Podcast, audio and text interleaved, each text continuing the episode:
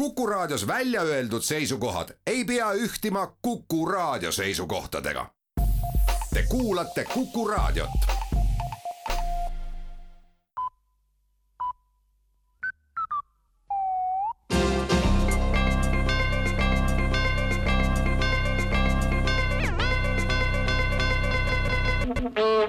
tere kuulama uudiseid stuudios Rohke Develak liikluspolitsei kutsub autojuhte ja ka teisi liiklejaid üles täiendavale valvsusele, sest algamas on poliitikute valimiseelne jooksuaeg.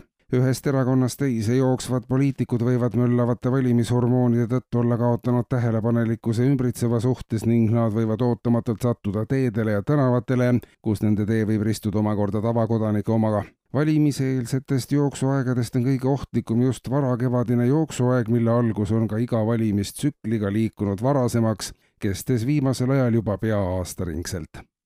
valitsus tegi erakondade rahastamise järelevalve komisjoni töökorralduse asjus ettepanekuid, senise komisjoni asemel loob iga erakond ise oma erakonna rahastamise järelevalve komisjoni, mis hakkab kontrollima oma erakonna rahastamist praegu ei tea erakonna juhid ju kunagi, kes erakonda on rahastanud ja kuidas seda on tehtud, vahel ei ole võimalik leida erakonnast kedagi, kes midagi oleks teadnud.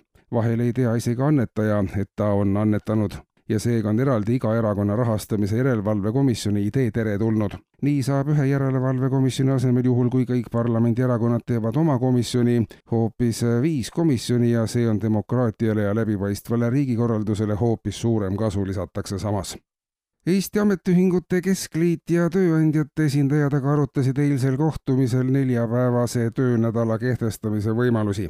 Kui kõik eriarvamused on selles küsimuses lahendatud, hakatakse arutama ka kolmapäevase töönädala plusse ja miinuseid ja seejärel reedese töönädala kehtestamise järel ka esmaspäevase ja teisipäevase töönädala võimalikkust täna aga palutakse teisipäevase töönädala sobivust kõikidel töötajatel katsetada ja kontrollida, kas on võimalik teha ühe päevaga sama palju tööd kui seni nädalaga. seejärel on järg ka kõikide teiste päevade käes. kui reform õnnestub, muutub võimalikuks tööviljakuse oluline kasv, kus nädalaga teeb inimene sama palju tööd kui seni umbes kuu aja jooksul Tallinna Kommunaalamet aga hakkab tänases kõikidele linnaelanikele jagama graniitkillustikuga täidetud seljakotte. igas kotis on viis kilogrammi sõelmeid ja koti põhjas on väike auk. kui inimene kott seljas linnas ringi liigub, siis saavad tema järel liikuvad inimesed juba ohutumalt jalutada.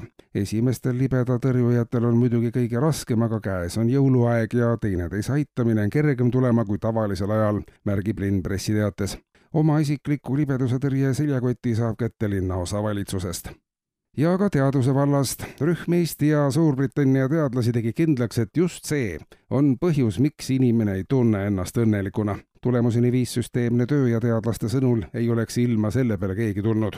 nüüd aga võib kindlalt väita, et just see ongi enamikel juhtudel inimese eluõnne puudumises süüdi vaid. vaid kaheteistkümnel protsendil inimestest võib selle asemel olla hoopis mõni muu põhjus. enamikel juhtudel aga saab süüdistada just nimelt seda.